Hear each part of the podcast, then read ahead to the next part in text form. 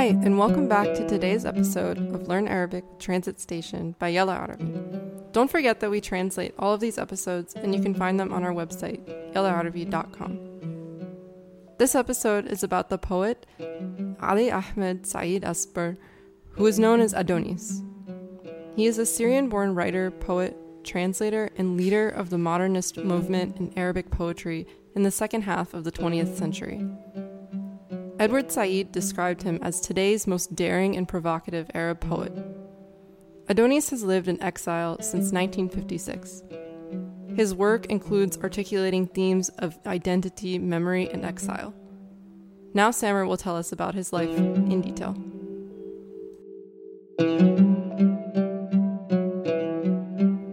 أدونيس ولد الشاعر الكبير علي أحمد سعيد إسبر بواحد كانون الثاني عام 1930 بقرية قصابين التابعة لمدينة جبلة بسوريا.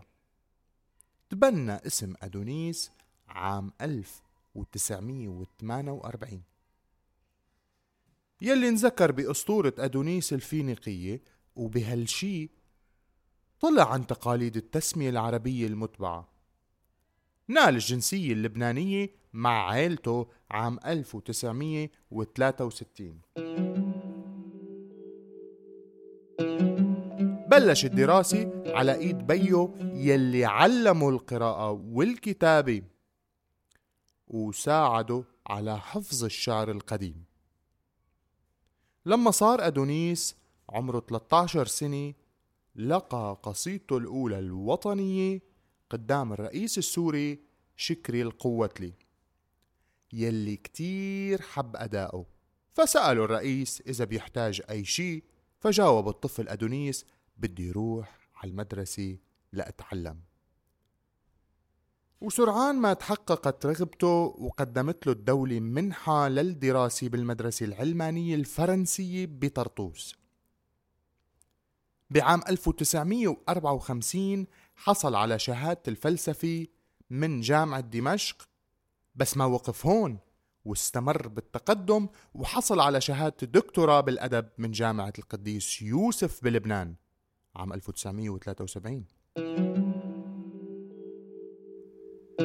بعام 1956 تزوج الشاعر أدونيس من الأدبية السورية خالدة سعيد.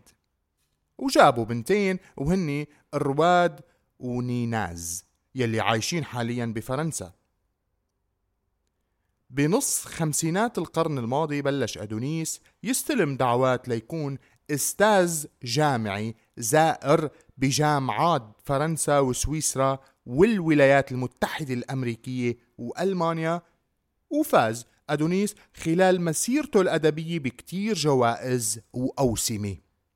منا جائزة جان مارليو للآداب الأجنبية عام 1993 من فرنسا وجائزة البحر المتوسط للأدب الأجنبي بباريس وجائزة المنتدى الثقافي اللبناني بعام 1997 وفاز بجائزة الإكليل الذهبي للشعر بمقدونيا اللي اعتبرها من أهم الجوائز الأدبية للشعر.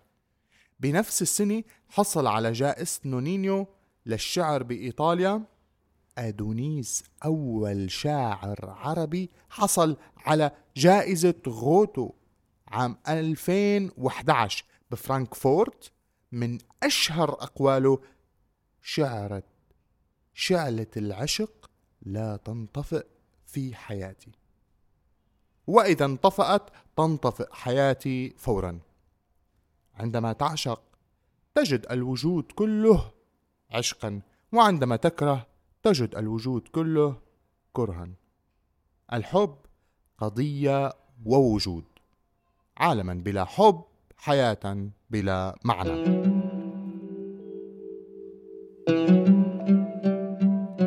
بعد ما تخرج من جامعة دمشق التحق أدونيس بالخدمة العسكرية عام 1954 بس دخل السجن لمدة سنة بسبب انتمائه للحزب السوري القومي.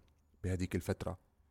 بعد ما طلع من السجن انتقل أدونيس لبيروت بعام 1956 وهنيك التقى مع الشاعر يوسف الخال. وتعاونوا على إطلاق مجلة شعر بأول السنة التالية بستينات القرن الماضي. أصدر ديوان الشعر العربي يلي بيتألف من ثلاث أجزاء. وكمان قدم عدة ترجمات ببداية السبعينات منها حكاية فاسكو والسيد بوبل ومهاجر بريسبان وسهرة الأمثال بعام 1969 بعام 1969 بدأ بإصدار مجلة مواقف اللي استمرت حتى عام 1994 خلال هالفترة كتب أدونيس العديد من القصائد اللي تركت أثر كبير بالشعر المعاصر. من هالقصائد قصيدة قبر من أجل نيويورك. عام 1971 اللي تنبأت بأحداث 11 أيلول عام 2001 بعام 1988 أصدر عدة قصايد مشهورة من دار الآداب ببيروت منها أغاني مهيار الدمشقي وكتاب التحولات والهجرة في أقاليم الليل والنهار ومفرد بصيغة الجمع. شكلت هالقصائد انطلاقة لأسلوب الجديد بالشعر العربي المعاصر أصدر الشاعر أدونيس ديوانه أبجدية تانية بعام 1994 وطبعوا بدار توبقال للنشر في الدار البيضاء بالمغرب. وكمان أصدر بنفس العام كتاب بعنوان صفحات النهار والليل بعد عامين أطلق من دار المدى للنشر بدمشق قصيدة بعنوان مفردات الشعر. استمر إبداع الشاعر أدونيس بمطلع القرن الحادي والعشرين وأصدر العديد من الكتب الشعرية منها كتاب أول الجسد آخر البحر وكتاب التنبأ أيها الأعمى بعام 2003 وكتاب المحيط الأسود بعام 2005 اللي جمع فيه مقالات ودراسات بتعبر عن آرائه بقضايا مهمة مثل الدين والوطن والوجود وغيرها.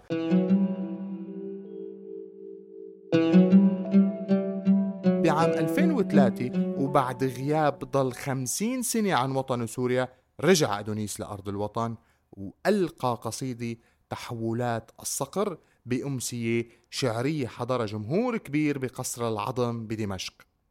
بعام 2009 أصدر أدونيس كتاب بعنوان الكتاب الخطاب والحجاب اللي ناقش فيه ثقافة التكفير والاجتناب بمختلف مجالات الحياة السياسية والفكرية والمعرفية. وتلاه بعام 2010 ديوان البيت الواحد في الشعر العربي. اللي حمل طابع أدونيس بالجمع بين ماضي الشعر العربي وحاضره. بعام 2012 أصدر ديوان شعري حكى فيه عن القدس المحتلة بين الماضي والحاضر وكان بعنوان كونشيرتو القدس ونشر كتاب بعنوان غبار المدن بؤس التاريخ بعام 2015 وكان كتابه الأخير بعنوان سوريا وسادة واحدة للسماء والأرض لنشر عام 2017 قدم بهالكتاب صورة عن سوريا وشعبها وروعتها قبل اندلاع شرارة الحرب. وساعدوا بهيدا الشيء المصور الموهوب فادي مصري زودوا بلقطات ساحرة لمختلف جوانب الحياة بسوريا.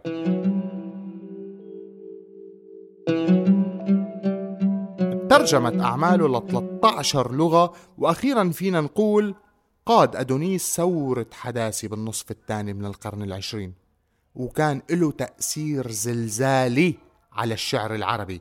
يمكن مقارنة شعره بشعر تي إس إليوت عند الناطقين باللغة الإنجليزية.